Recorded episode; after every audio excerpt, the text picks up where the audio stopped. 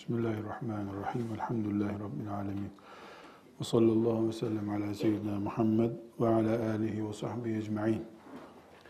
Peygamber Efendimiz sallallahu aleyhi ve sellemin sünnetini, hadisi şerifleri tanımak açısından kaynak bir kitap kullanmayı tercih ettik. Ee, benim de e, hocam olan İsmail Lütfü Çakan hocamız, Allah ömrüne bereket versin. E, İlahiyat Fakültelerinde yıllardan beri okutulan Hadis Usulü isimli kitabından bizim için elzem olanları tercih ettik.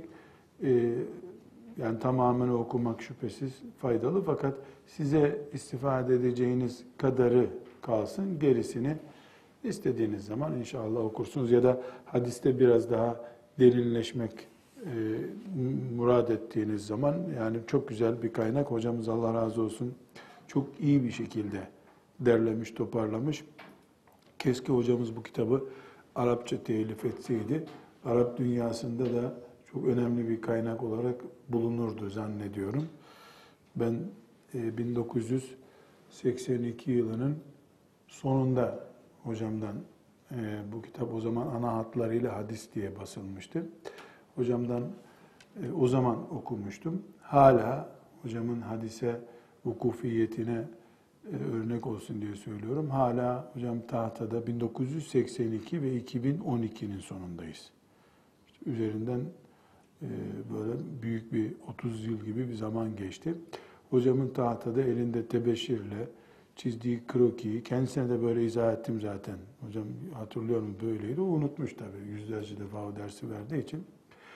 E, hala istifade ediyorum. Zihnimde e, ondan sonra onlarca kitap belki usul hadisi olarak okuduk ama hocamın vukufiyeti çok güzel.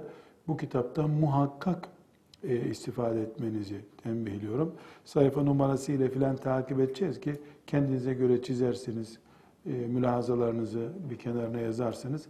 Hocam alim bir insan olarak tabii e, belli şeyleri açıklama ihtiyacı hissetmiyor.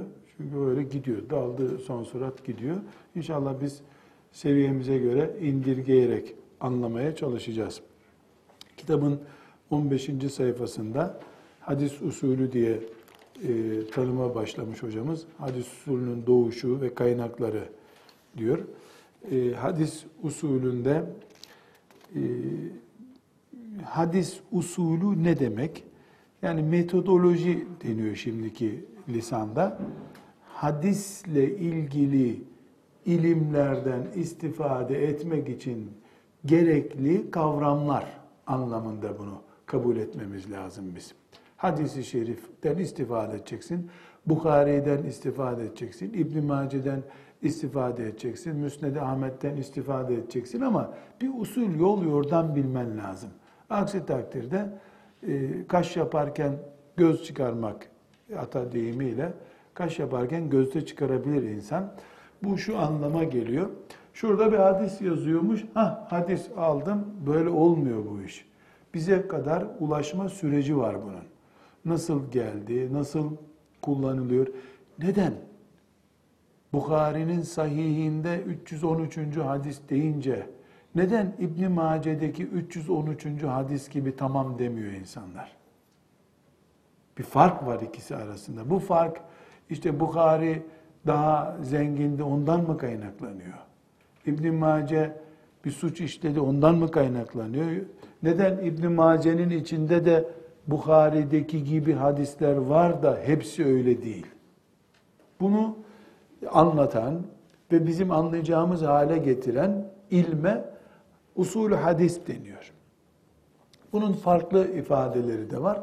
Türkçe'de hadis usulü diye bir derli toplu bir kelime kullanırız. Yani hadis usulü demek hadis ilminden istifade etmek için gerekli bilgiler demek. Bu kadar kısaca bunu biz anlayabiliriz. Elbette normal e, mesela günlük sabah e, başlayıp akşama kadar devam eden bir bölüm düşünün. Hadis okutuyor. E, öyle bir bölümde en az 300 gün lazım. Hadis usulünü tam okumak için. Yani günde 5 ders yaptığını kabul etseniz yani 1500 saat gibi bir vakit lazım. İyi bir hadis alimi olacak altyapıyı almak için. Bu Buhari'yi ezberlemek filan buna dahil değil. O başka bir şey. Bukhari'yi ezberlemek, Müslim'i ezberlemek, ahkam ezber, o, o işin daha bir farklı boyutu. Ama altyapıyı, ana karakteri öğrenmek için böyle bir ilim lazım. Biz bunu üç saate sıkıştıracağız. Neden? Çünkü biz hadis ilmine dalmak için değil, usulü fıkıh açısından fıkha giriş yapmak için bize lazım olan temel maddeleri alacağız. Sahih ne demek, hasen ne demek, ravi ne demek, ta'dil ne demek, cerh ne demek gibi çok, çok basit yani yüzde birini belki daha da az, yüzde birinden de daha azını alacağız ama e, en azından fıkıh kitaplarında e, Ebu Hanife ile Şafi, İmam Şafii'nin e, karşılaştırıldığı bir noktada o tartışmanın neyin üzerinden yürüdüğünü anlayacağız en azından. İşte diyecek ki e, Ebu Hanife diyecek ki e, onların bu kullandığı hadis mürseldir. Mürsel hadisle bu konuda amel edemeyiz diyecek. Ne demek mürseldir de mürsellerde yani birbirlerine niye sataşıyorlar? Buna halk gözüyle bakmak var. ilimden anlayan bir insan gözüyle bakmak var. Biz belki alim olacak kadar öğrenmeyeceğiz bunu ama ne tartıştıklarını anlayacağız inşallah. İşin lezzeti de burada zaten. İkna olarak bir şeye hükmedilmiş olduğunu anlayacağız Allah'ın izniyle. Hadis usulü buna deniyor. Hocamız 16, 17, 18, 19, 20. sayfaya kadar bu e, girişleri anlatıyor. Bu konuda 18. E, 19. sayfada e, ilim bu ilmin kaynaklarından söz ediyor hocamız. Yani bir miktar okumamızda fayda var. Neden fayda var? Çünkü Hoca Efendi de kendisinin nereden beslendiğini bize anlatmış oluyor. Hanımefendiler size özellikle e, imtihanda çıkacak buralar filan demiyorum. Bunu ayıp kabul ediyorum. O diploma için okuyanların işi. İmtihanda çıkacak ha 18. sayfa çok önemli filan ayıp bir şey bunlar. Biz Allah rızası için şeriatımızı öğrenmek, salihat, kanitat, alimat, hafızat olmak için yola çıktık. Ee, bizim için imtihanda değil, ilimde çıksın karşımıza diye okuyacağız. Bu böyle bir ikaz yapmıyorum. E, yapma ihtiyacı hissetmiyorum. Asıl e, istifade edeceğimiz 25. sayfadan itibaren Hoca Efendi e, hadisin ve sünnetin tarifiyle başlıyor.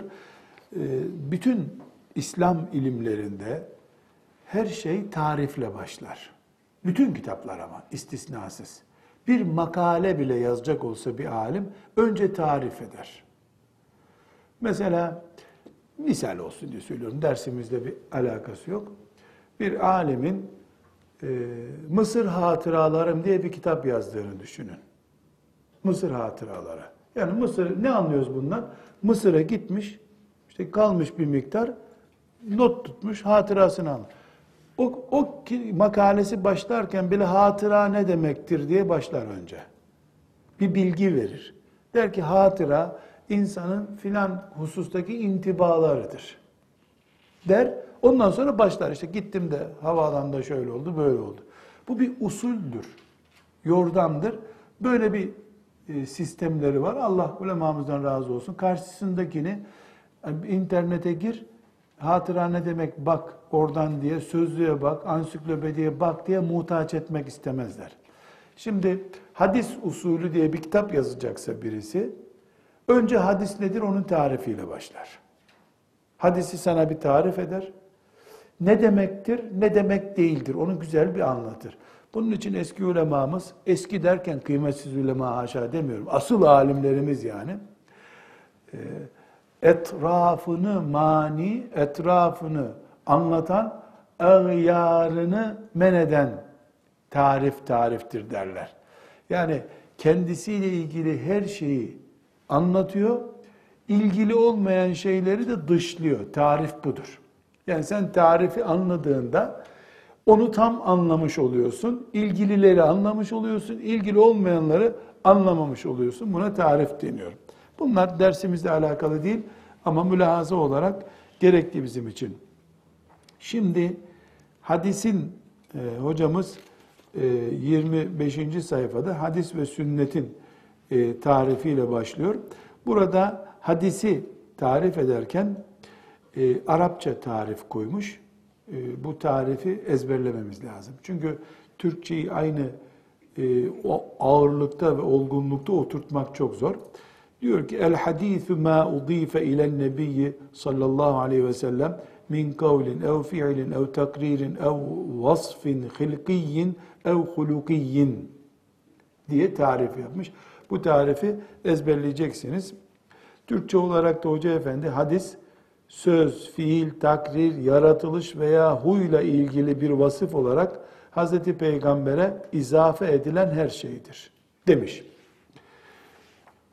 Burada sünnetin de tarif edildiğini görüyoruz. E, Hoca Efendi'nin de sünnet e, tarifi var ama e, çok akademik geldi bana Hoca Efendi'nin sünnet tarifi. Ben e, sizin not alacağınız şekilde sünneti şu şekilde tarif edeyim.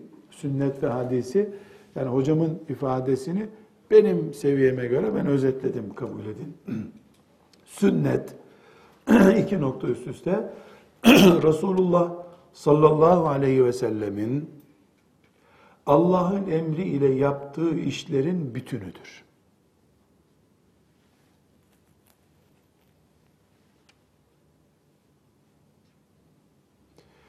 Hoca Efendi kısaca bunu şöyle tarif etmiş. Hazreti Peygamber'in ihtiyar ettiği ve Allah'ın ahkamıyla amil olarak gittiği yol demektir demiş. Ben biraz daha bizim seviyemize göre indirdim. Resulullah sallallahu aleyhi ve sellemin Allah'ın emriyle yaptığı işlerin bütünüdür. Filan şeyi yasaklamış, Allah'ın emriyle yasaklıyor. Filan şeyi yapmış, Allah'ın emriyle yapıyor. Sünnet dolayısıyla Allah'ın emirlerinin peygambere yansıyan şeklidir. Allah'ın emirlerinin peygambere yansıyan şeklidir. Aleyhissalatu vesselam. Hadis de sünnet malzemesinin yazılmış şeklidir. Hadis-i şerifte. Çünkü hadis deyince filan cümleyi okuyorsun. Sünnet bu olayın genelinin adı. Peygamber Efendimizin kimliği, Allah'ın emriyle oluşmuş kimliğine sünnet diyoruz. O kimlikten bir cümle alındığında ve yazıldığında buna hadis diyoruz. Çok inceltmeyeceksek eğer, hadiste, sünnette esasen aynı şeydir. Hadisin dairesi biraz daha büyüktür. Sünnet estağfurullah tam ters söyledim. Sünnetin dairesi biraz daha büyüktür. Hadis ondan çekilmiş alınmış bir cümledir. Mesela Buhari isimli kitabı sünnet olarak alabiliriz. Ondan bir cümle çıkarıp aldığımız zaman da Bukhari'den hadis aldık deriz. İnşallah anlaşılmıştır. Sünnet biraz önceki tariften hadis tarifi diye hocamızın ifadesinden e, anladığımız kadarıyla sünnet Peygamber Efendimizin sözleri, davranışları, onaylamaları ve ona ait vasıflardan oluşuyor. Eğer siz bu tarifte vasıflar dediğimde ne demektir vasıf anlamıyorsanız Türkçeyi iyi bilmediğinizden kaynaklanıyor. Bana baktığınızda Nurattin Hoca'nın sakalı beyaz dediğim zaman beni vasfetmiş oluyorsunuz. Nurattin Hoca'nın gözlüğü çok kalın. Vasfetmiş oluyorsun. Bir şeyi tanıtmak demek vasfetmek. Peygamber aleyhisselama ait vasıf, Enes radıyallahu anh'ın Efendimizin dişleri şöyleydi demesi gibidir. Vasfediyor. Yaslandığı zaman şöyle yaslanırdı. Yürüdüğü zaman şöyle yürürdü. Güldüğü zaman şöyle gülerdi.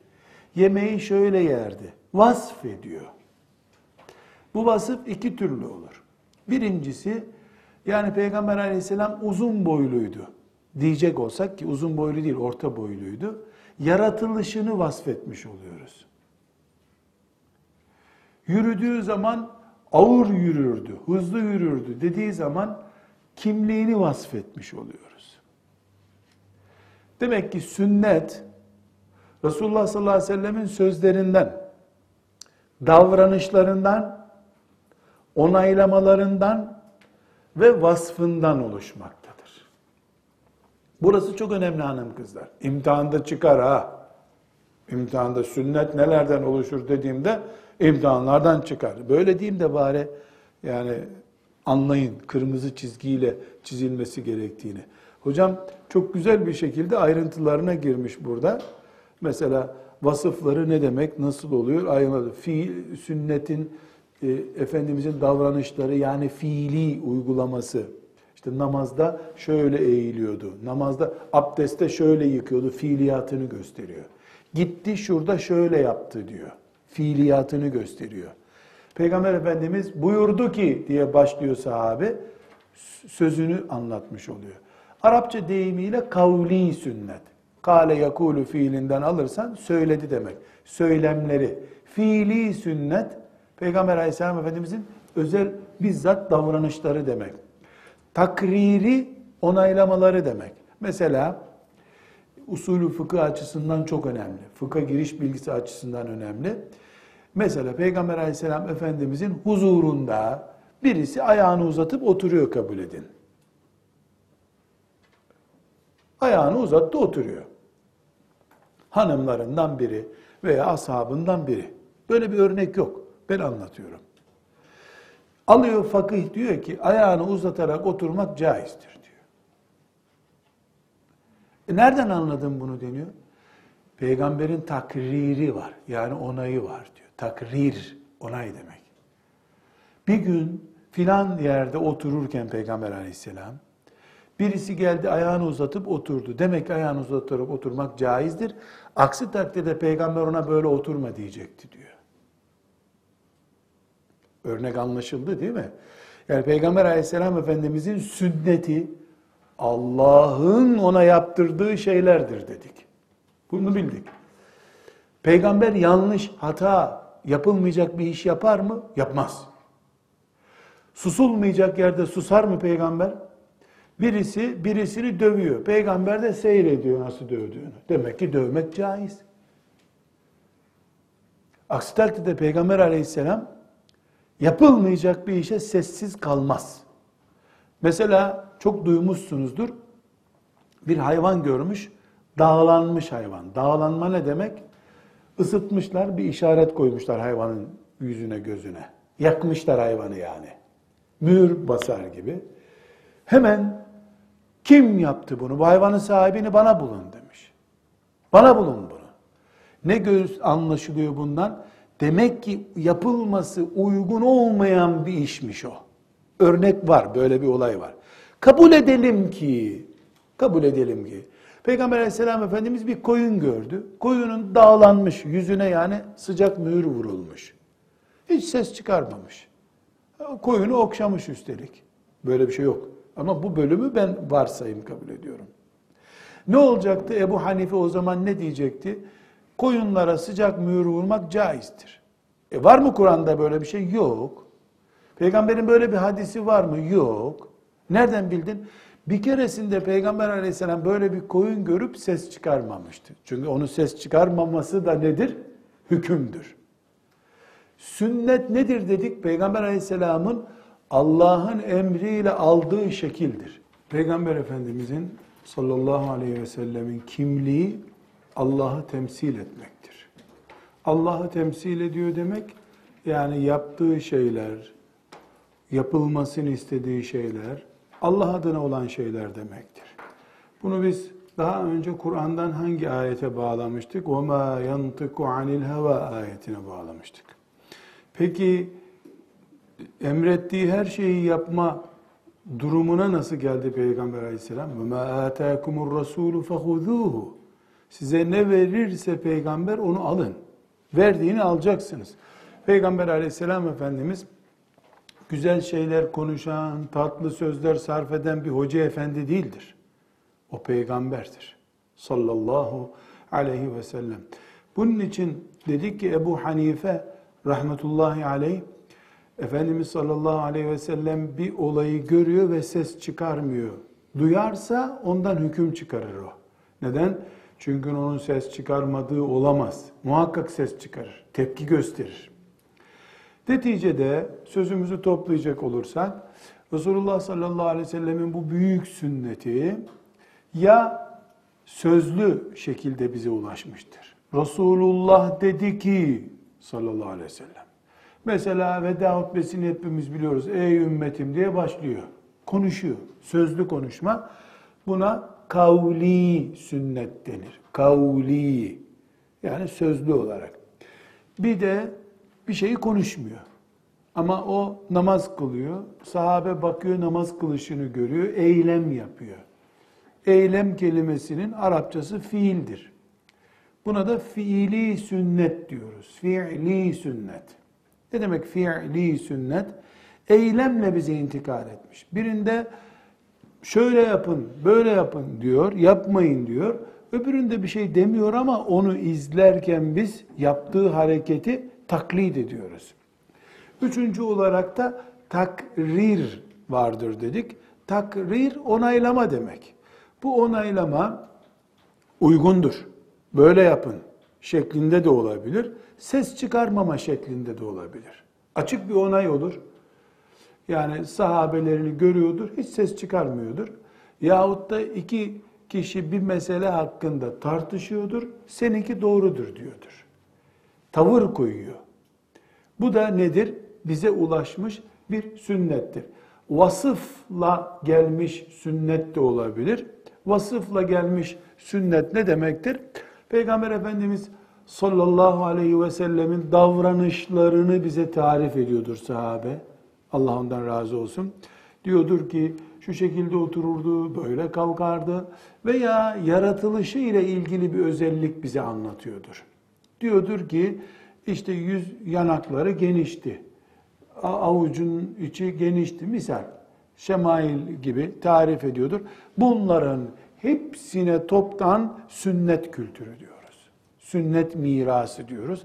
Bunların içinden çıkarılmış bir e, cümleye de hadis bilgisi diyoruz. Hadis diyoruz. Her halükarda sünnetten söz ettiği zaman şeriat alimleri şu bahsettiğimiz kavli, fiili, takriri, vasfi sünnetten söz ediyorlar demektir.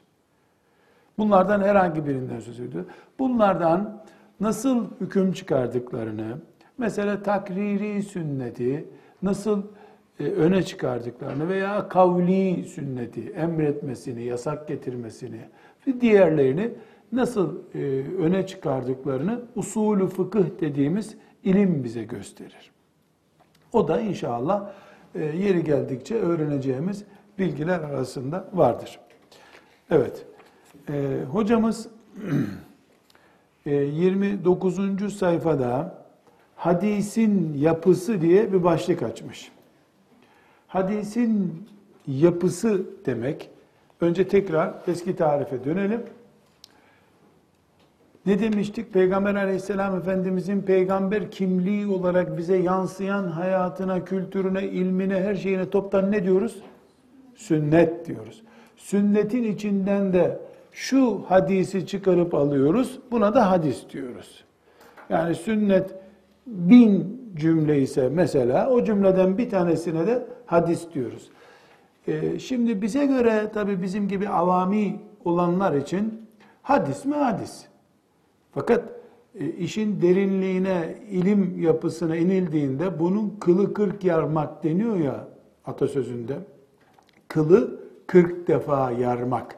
Kıl dediğin bir defa bile yarılmaz aslında ama o kadar titiz çalışıyorsun ki 40 defa bölüyorsun kılı. Böyle dikeyine bölebiliyorsun.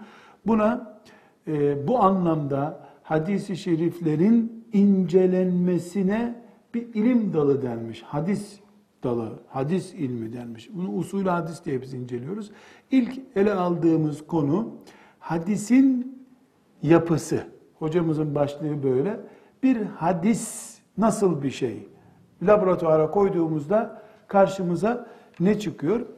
Bir defa hanım kızlar şunu çok iyi bileceğiz. Biz hadisleri Ebu Hureyre dedi ki Resulullah sallallahu aleyhi ve sellem şöyle yapmış diye biliyoruz. Bu bize böyle ulaşmadı. Herhangi bir hadis kitabına dönüldüğünde bize daha dolaylı bir yolla ulaşıyor. Biz şimdi e, Bukhari isimli alimin Muhammed bin İsmail el-Bukhari'nin kitabından hadis okuyoruz. Bukhari 3. asrın insanı. Yani Peygamber Efendimizle aleyhissalatü vesselam Bukhari arasında yaklaşık 250 sene var. Şöyle böyle. E Bukhari direkt bunu Ebu Hureyre'den duymuş olamaz. Peki kimden duydu? Bukhari'nin bir hocası var. O hocadan duymuş. O da başka bir hocadan duymuş. O büyük ihtimalle Ebu Hureyre'den duymuştur veya herhangi bir sahabiden. O da Resulullah sallallahu aleyhi ve sellem'den duymuştur. Dolayısıyla daha sonra örneklerini göreceğiz burada. Resulullah sallallahu aleyhi ve sellemin bir sözünün iki bölümü vardır.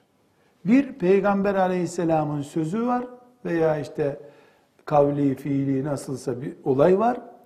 Bir de o sözü Bukhari, Müslim, İbn Mace, Ahmed, Beyhaki gibi alimlere, kitaplarını okuduğumuz alimlere kadar ulaştıranların isimleri var. Bu Peygamber aleyhisselamla bize gelinceye kadar olan süreçteki isimlere senet diyoruz. Senet. Türkçe'de senet kelimesi var, dayanak demek. Adamın borcu var, elinde senet var. Yani borç alacaklı olduğuna dair elindeki belge demek. Hadis-i şerifin bir senedi var. Yani biz Bukhari'den aldık ama Bukhari bunu Peygamber aleyhisselama kadar nasıl götürüyor buna senet diyoruz. Bir de o hadisin kendisi var. Dedi ki Resulullah sallallahu aleyhi ve sellem ona da metin diyoruz. Demek ki hadisi masamıza koyduğumuzda hadisin bir senedi var, bir de metni var. Biz genelde metnini biliyoruz hadisi şeriflerin. Ama e, senedini de bir miktar bilmemiz gerekiyor. Aksi takdirde dediğim gibi derin ilimlere ulaşamayız. Şimdi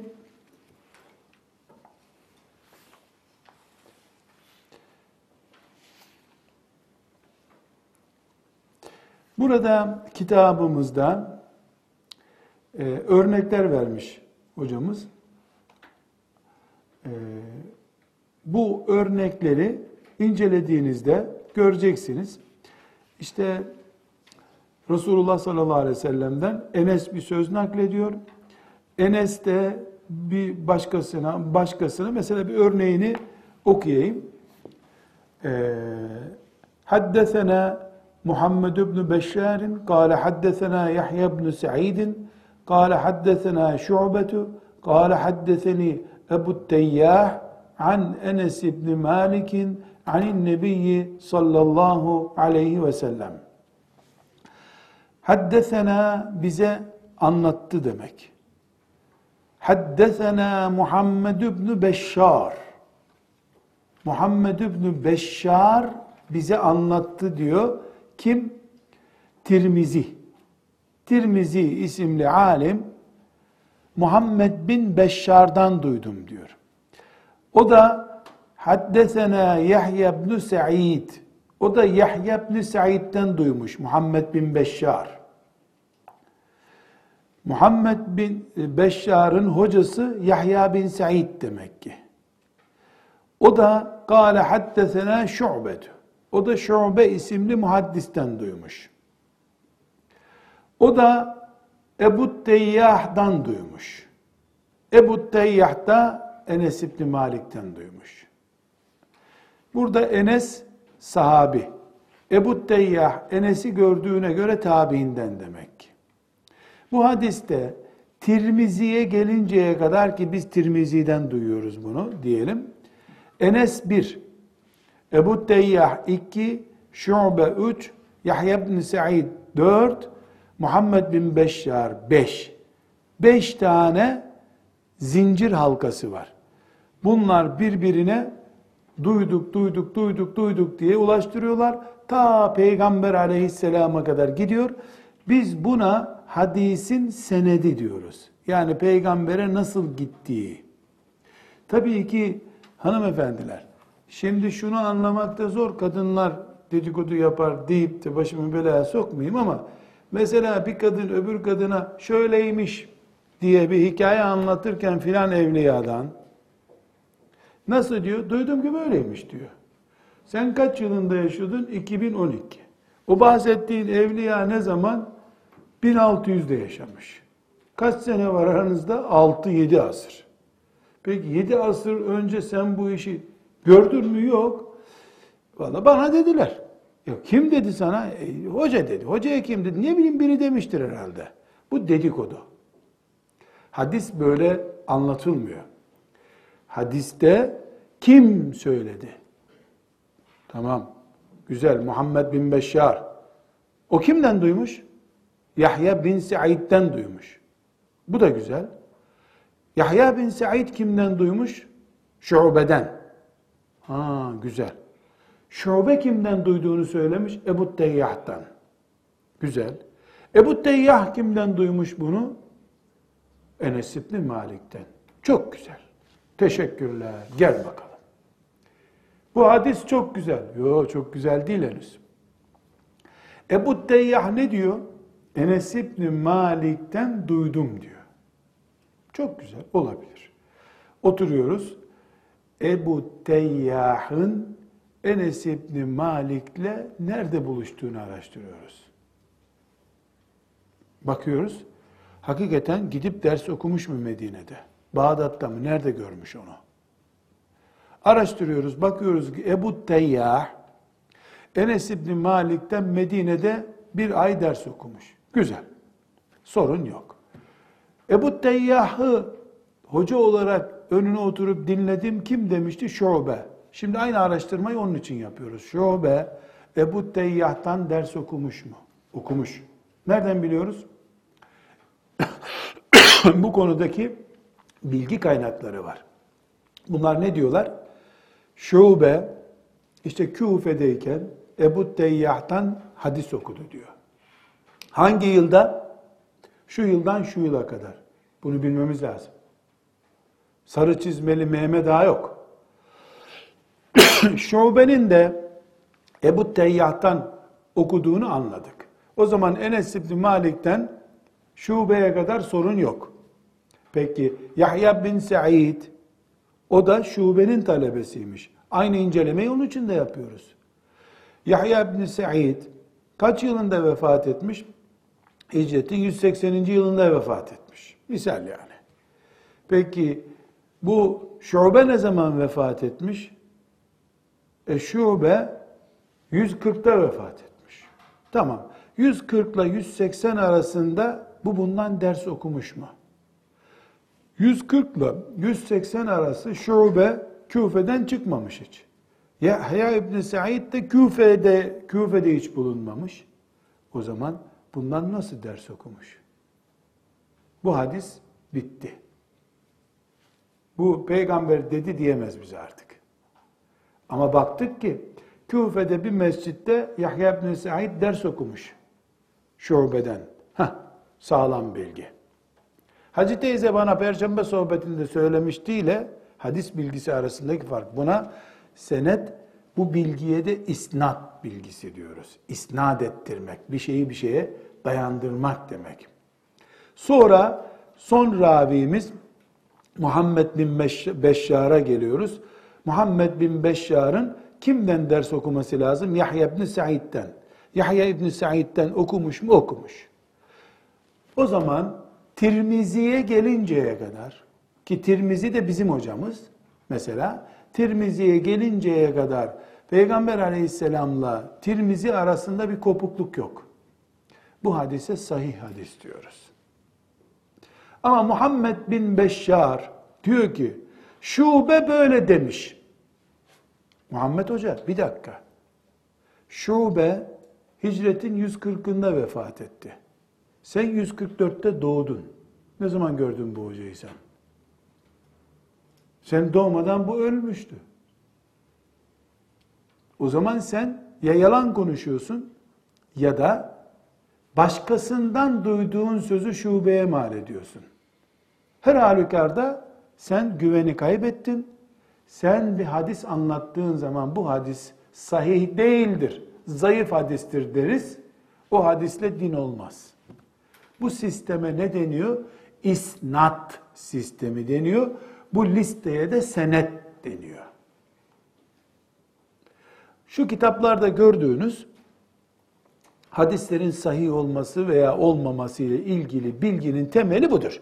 Açıklamalarına gireceğiz bunun ama en temel bilgi budur. Bundan dolayı hadis sahih oluyor veya olmuyor. Tabi başka incelemelerimiz de var.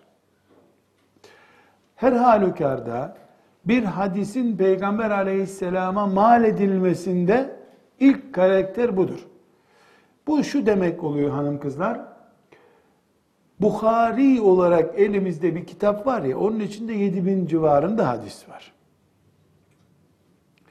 O 7000 hadisin her biri için bu araştırma yapılmıştır. Bukhari diyor ki filancadan duydum. O da diyor filancadan, o da filancadan. Tek tek daha sonraki alimler araştırıyorlar.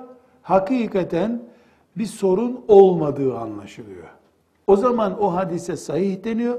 Bu tip hadislerin yüzde yüz böyle senedi sağlam bulunan hadislerin bulunduğu kitaplara da sahih hadis kitabı deniyor. Böyle hangi kitaplarımız var? Bukhari ve Müslim isimli iki tane kitabımız var. Onun için Müslümanlar Kur'an-ı Kerim'den sonra en önemli iki kitabımız Bukhari ve Müslim'dir demişlerdir. Bir ikisinde de 7000 civarında hadis var. Bu hadislerin tamamının sahih olduğu yani Peygamber aleyhisselama kadar hiçbir sorun olmadan, tereddüt olmadan bilgilerin ulaştığı garantisi var.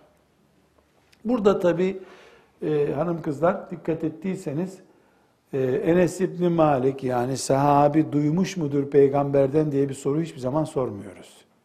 Biz ashab-ı kiramı araştırma hakkı olmayan bir ümmetiz. Enes yalan söylemez. Enes camide umreden gelmiş bir hacı amca değil. Enes Resulullah'ın sahabesi aleyhissalatü vesselam. Ashabın tamamı adildir denir. Kural budur. Ashabın tamamı adildir. Buradaki adil kelimesi zulmetmez manasına değil yalanı yoktur. Anlattığı şey yanlış olabilir, yanlış görmüş olabilir. Üç dedi peygamber de dört anladı olabilir. Ama sahabe yalan konuşmaz. Sapık fırkalar hariç, şimdi Avrupa eğitimli hoca efendiler hariç, ümmeti Muhammed'in inancı budur. Sahabe adildir. Enes'i soramazsın. Ama Şube'ye sorarız Enes'i nerede gördün diye. Muhammed bin Beşşar'a sorarız. Sen Yahya ibn Said'i nerede gördün? Hangi dersi okudun? Hatta daha sonra göreceğiz. Senin zekanine bir bakalım. Sen 100 tane hadis ezberleyecek adam mısın diye sorulur. Ravide araştırma yapıyoruz. Sadece böyle hocayı gördün ama uyukluyordun sen derste. Arapça bilgin nasıl? ezber kapasiten nasıl? Sen not tutmuşsun. Ne diyorlar muhaddisler? Sen not tuttun mu tuttum. Getir şu notları bakalım yazın güzel mi senin? Hızlı kitap okuyabiliyor musun? Bir kere okunanı anlayabiliyor musun? Ravi olmak demek, Resulullah'tan bilgi aktarmak demek. Resulullah'tan bilgi aktarmak demek, Allah'tan bilgi aktarmak demek. Dolayısıyla filan hadisin senedindeki e, şube, Yahya ibn Sa'id, Muhammed bin Beşşar bunlar sıradan isimler değil. Muhammed bin Beşşar şu şöyledir diye bize bir aktarım yapacak. Kıyamete kadar belki 50 milyar Müslüman haramdır diye bir daha ona tutmayacak. Muhammed bin Beşşar'ın rivayeti böyle diyecek. Din bu. Din. Ev değil ki eskiyince yıkıp yenisini yapacağız. O yüzden alimlerimiz daha sonra göreceğimiz gibi bu işe çok fazla önem vermişlerdir. Her halükarda hadisi şerifi masaya yatırdığımızda ne var içinde dedik? Bir senet var, bir de metin var dedik. Senedi gördük. Senet bu. Metin nedir? Resulullah sallallahu aleyhi ve sellem namazı şöyle kıldı mesela. Bilgi. Herhangi bir bilgi. Mesela e, bir önceki derste ne örnek verdik? İnne dimâekum ve envâlekum haramun aleyküm. Sahabe diyor ki işte Resulullah sallallahu aleyhi ve sellem böyle dedi. İnne dimâekum ve envâlekum haramun aleyküm. Tabi ondan duymuş böyle dedi. O ondan Yahya bin Said, Muhammed bin Beşşar bize ulaşmış bu bilgi. Buna isnat sistemi denir. İsnade değile. İsnat sistemi denir. İsnat senetlendirme demek. Senetlendirme demek. Evet. Hadisin bir de metni var dedik. Metin zaten biliyoruz. Şimdi 31. E, sayfada hocamız Allah ömrüne bereket versin. E, şimdi hatta burada 30. E, sayfada hocamızın o Muhammed bin Beşşar'dan rivayet edilen hadisi rakamlar haline getirmiş. Mesela Enes İbni Malik radıyallahu anh 93 yılında e, vefat etmiş. Yani o yanındaki rakam miladi rakam. 93 hicret senesi. Onun talebesi olan Ebu Tayyah, Yezid bin Hümeyt'miş asas ismi. Sonra ders çalışırken e, kolay olur. Notlarınızı tutun. Ebu Tayyah künyesi ama asas ismi Yezid bin Hümeyt adamın. O da tabiündenmiş. O da 128 yılında vefat etmiş. Şimdi 93'te Enes İbni Malik vefat etmiş. 128'de de talebesi Yezid vefat etmiş. Ve dolayısıyla 100 128 193'ü çıkardığımızda yani bu rakam Enes İbni Malik'in önünde diz çökmesine müsait bir rakam. Ama e, bu çocukcağız mesela e, doğum tarihi bilinmiyor ama yaklaşık olarak doğum tarihini bilsek mesela 100 yılında doğmuş olsa Yezid bin Hümeyt Enes İbni Malik vefat ettiğinde kaç yaşında olacaktı? 7 yaşında.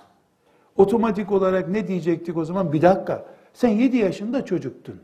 Ne ezberledin de onu din olarak bize anlatıyorsun deyip kabul etmeyecektik bu hadisi. Ama burada büyük ihtimalle 30-40 yaşlarında birisi olarak Enes İbni Malik'in dizinin dibine oturmak şerefini Allah ona nasip etmiş. Evet, bundan sonra şu Şube bin e, el-Haccac isimli zat 160 yılında vefat etmiş. 128'de onun hocası Yezid vefat etmiş. 160'da da yaklaşık 32 sene var aralarında. Bu da demek ki uygun bir zamanda buluşmuşlar.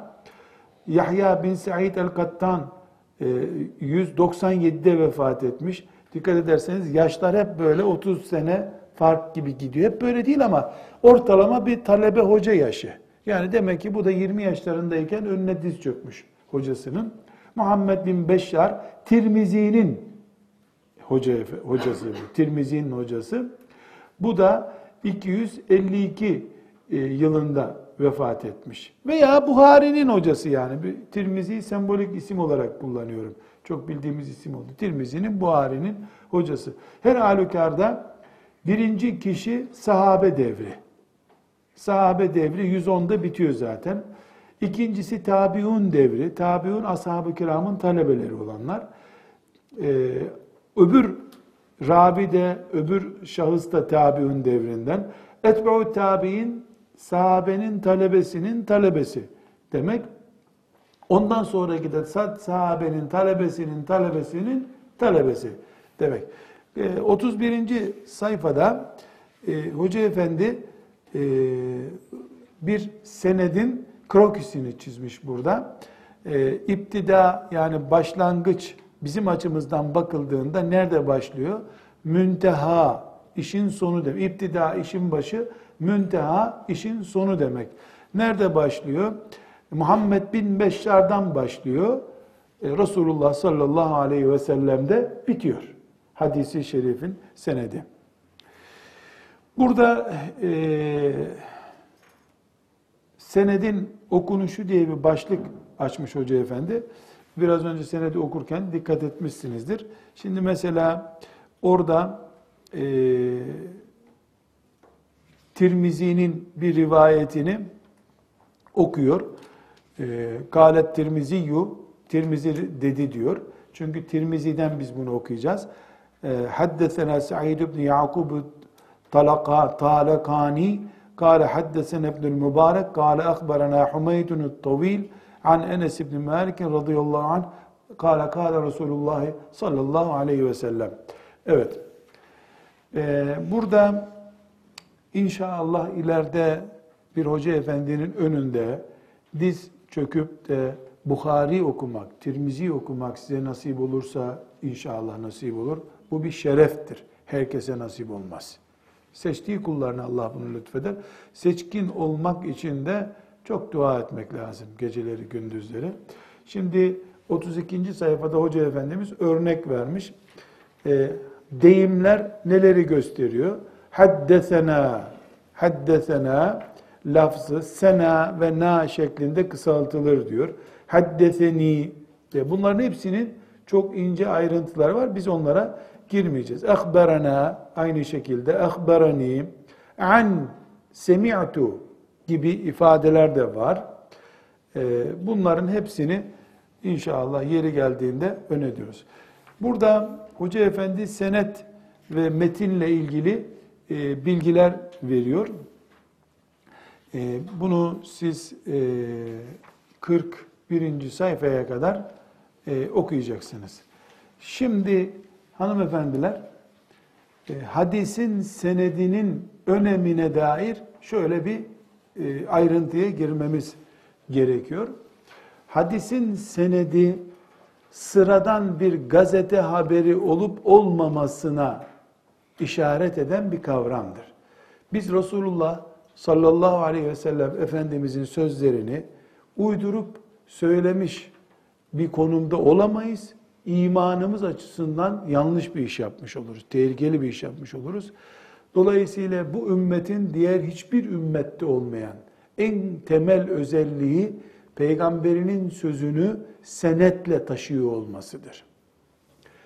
Örneklerden göreceksiniz inşallah. Çok hassas bir şekilde alimler, e, mesela şöyle bir örnek çok anlatılır, siz de bilmiş olun. İşte muhaddis yani bu ilimle meşgul olanlar Gidiyorlar filan yerdeki alimden ders okuyorlar. O alimin tabi göreceğiz belli özellikler taşıması lazım. Öyle maşallah sen iyi alime benziyorsun gel senden ders okuyayım demiyorlar kimseye. Bir muhaddis filanca muhaddisten hadis öğrenmek için gidiyor. O da evinin bahçesinde hayvanını, atını çağırıyormuş. Yani işte nasıl çağrılıyorsa at kış kış kış mı yapıyor? Hayvan gelmemiş. Bu da uzaktan seyrediyor onu. Yani ondan ders okuyacak. Hayır adamcağız böyle çuvalı elini batırır gibi yapmış, avucunu böyle yapmış, gel gel gel hayvana yapıyor. Yani yem var olduğunu gösteriyor. Hayvan gelmiş bakmış adamın avucu boş ama yakalamış onu yularından. Kediye mediye yaptığımız şey gibi bu. O zat ben senden yani oraya gelen o yabancı muhaddis senden hadis öğrenmeye geldim ama sen elin boş olduğu halde hayvanı aldattın. Sen Resulullah adına da yalan konuşursun. Senden hadis okumam demiş, kalkmış gitmiş. Biz Tirmizi'de, Bukhari'de, İbn Mace'de bir hadis var derken bu şartlarda incelenmiş, elekten geçirilmiş bilgilere muhatabız. Öyle gazetede çıktı filan demek değil bunlar yaprağa yazıldı, takvim yaprağına yazıldı. Dolayısıyla sağlamdır. Öyle bilgiler değil bizimki. Aklı yapısını, itikadını, takvasını, her şeyini didik didik ederek alimler kimden hadis öğrenileceğine dair ayrıntılara girmişler. Şu kuralı unutmuyoruz. Biz isnat ümmetiyiz. Yani bilgimiz isnatla bize ulaşmıştır. Elimizde senetlerimiz var bizim. Peygamberimiz şöyle buyurdu dediğimiz zaman o kadar rahattır ki içimiz. Sanki gözümüzde peygamberi görüyoruz, kulağımızda dinliyor kadar rahatız Bukhari'yi okurken. Bukhari'den bir hadis dinlerken, Müslim'den bir hadis dinlerken, Ebu Davud, Tirmizi, Nesai ve İbn Mace diğer Bukhari, Müslim'in dışındaki hadis kitapları o derece değil. Ama onlar da mesela içindeki 100 hadisten en az 80 tanesi Buhari gibidir. Belki 3 tane, 5 tanesi zayıftır. Bu kavramları kullanacağız. Filan hadis zayıftır diyeceğiz. Filan hadis sahihtir diyeceğiz. Neden? Çünkü biz fıkıh öğrenmek için çıktık ya bu yola inşallah.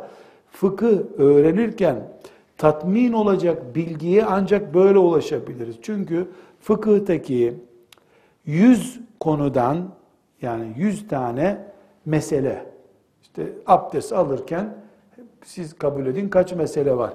Namazda kaç mesele var? Bu yüz meseleden en az 70 tanesi hadisle ilgilidir. Hadislerin işte şu hadis zayıf olduğu için bunu böyle almadım diyecek fakih. Bu sahih hadis olduğu için böyle söyledim diyecek. Gerisi de kıyastır veya Kur'an-ı Kerim'den alınmıştır ama Kur'an'dan direkt alınan fıkıh bilgisi çok azdır. Çok azdır. Daha önce bunu söyledim. Yani Rabbimiz Kur'an-ı Kerim'i öyle her bilginin bulunduğu bir kitap yapsaydı e, herhalde beş tane çocuk şimdiye kadar ezberleyemezdi Kur'an-ı Kerim'i. Elhamdülillah ki Rabbimiz Kur'an'ı çocukların bile ezberleyeceği kadar kolay ve kısa tuttu. Öyle murat buyurdu, öyle nasıl buyurduysa uygunu öyledir zaten. Kural olarak şunu bileceğiz. Bizim elimizdeki hadisi şerifler bize isnat yoluyla gelmiştir. Bu isnadı biz şimdi nerede buluyoruz? E, isnadı iki türlü. Birincisi Bukhari yazılı bir döküman olduğu için, Tirmizi yazılı bir döküman olduğu için ve onun ilk yazmaları da elimizde bulunduğu için Bukhari'den sonra Ahmet mi Mehmet mi diye sormaya gerek yok. Bukhari'de zaten iş düğümlenmiş oluyor. Bu bütün isnat dediğimiz belgelendirme Bukhari'ye kadar, Tirmizi'ye kadar, İbn Mace'ye kadar, Ahmet bin Hanbel'e kadar var. Ondan sonrası e, zaten elimizde yazılı belge olarak. Çünkü o zamana kadar Bukhari'nin zamanına kadar yazılı değil. Alimler, muhaddisler dilden dile bu bilgiyi taşıyorlardı. Bir bu. İkinci olarak da hala hala Bukhari'nin, Müslim'in silsilesi devam ediyor. Yani bu isnat hala devam ediyor. Allah'ın lütfu ve bir ihsanı olarak e ben de mesela Bukhari'nin rivayet silsilesinde varım. İşte 30 küsürüncü talebesi olarak ben de icazet aldım Bukhari'den. Yani o Bukhari'deki bütün hadis-i şerifleri hocamdan okudum. Hocama okudum. E, güzel tamam deyip bana icazet verdi. Ben de bir talebeme icazet verecek olsam bu silsile devam ediyor. Ama bunu çok önemsemiyoruz şimdi. Neden? E zaten Bukhari'nin yazılısı elimde. Kimse çıkıp bana seni Muhammed bin Beşşar'ı araştırdığımız gibi seni de bir araştıralım bakalım demiyor bana. Niye demiyor? E çünkü e, Bukhari elde yazılı olarak var. Bir şey sormaya gerek yok. Ama Bukhari yazılı olarak elde olmasaydı eğer ben Bukhari şöyle dedi diyecek olsaydım benim hocam kim, hocamın hocası kim, hocamın hocası kim, onun kim, onun kim, onun kim, onun kim, onun kim. Şimdi biz burada beş kişi Enes İbni Malik'e kadar araştırıyorduk. Ama bugün o araştırmayı bütün muhaddisler için yapacak olsak bir 35 kişiyi araştırmamız gerekecekti bu sefer. Allah'ın lütfuyla elhamdülillah Bukhari'de bu isim kilitlendi. Çünkü Bukhari'nin zekası, ezberleme, yazma kapasitesinin bir tür bir tür insanüstü denecek kadar güçlü olduğunda ittifak var. Kimse Bukhari'nin herhangi bir şekilde ara sıra şaşırırdı filan dediği olmamıştır. Çünkü Bukhari'yi sevmeyenler de var, haset edenler var. Onlar Bukhari'de var ya karınca ayağı kadar bir leke bulsalar onu bir fil kadar gösterirlerdi. Öyle hasetçileri vardı rahmetullahi aleyh. Ama ümmeti Muhammed'in ittifakıyla, söz birliğiyle Bukhari'nin zekasında hiçbir sıkıntı yok. İhlası zaten dillere hayran. Dolayısıyla e, Bukhari'de var diye ondan sonrası yani Bukhari'den bu tarafa doğru hiç kimse araştırmıyor. Ama Bukhari'den peygambere gidene kadar didik didik ediliyor. Böyle cımbızla tek tek e, yolunur gibi yolunuyor. Çünkü söz konusu olan şey Resulullah'ın aleyhissalatü vesselam emaneti olan Kur'an'dır. Söz konusu olan şey sünnettir. Söz konusu olan şey şeriatımızdır. Bunu biz hocalara, alimlere e, yönlendirip siz ne derseniz o olsun diyecek halimiz yok. Diğer din mensupları gibi. Kur'an önemli. E Kur'an'ın müfessiri hadis var. Hadis önemli, sünnet önemli. Bu zaviyeden baktığımız için isnat dindir. Ve bu ümmetin farkıdır. Niye Musa aleyhisselamdan sonra Musa aleyhisselama ait olduğu zannedilen belli olan 20 tane söz bile yok ortada. 20 tane söz bile yok. Niye? Çünkü duyduk ki, demiş ki diyerek geçiştirdiler işi. Ama bu ümmet öyle yapmadı. Resulullah sallallahu aleyhi ve sellem'den duyduğunu altın harflerle yazar gibi yazdılar. İnşallah ayrıntılara girdiğimizde göreceğiz. Ee, yani delirttiler alimleri. Sen bunu nerede dedin, nasıl dedin?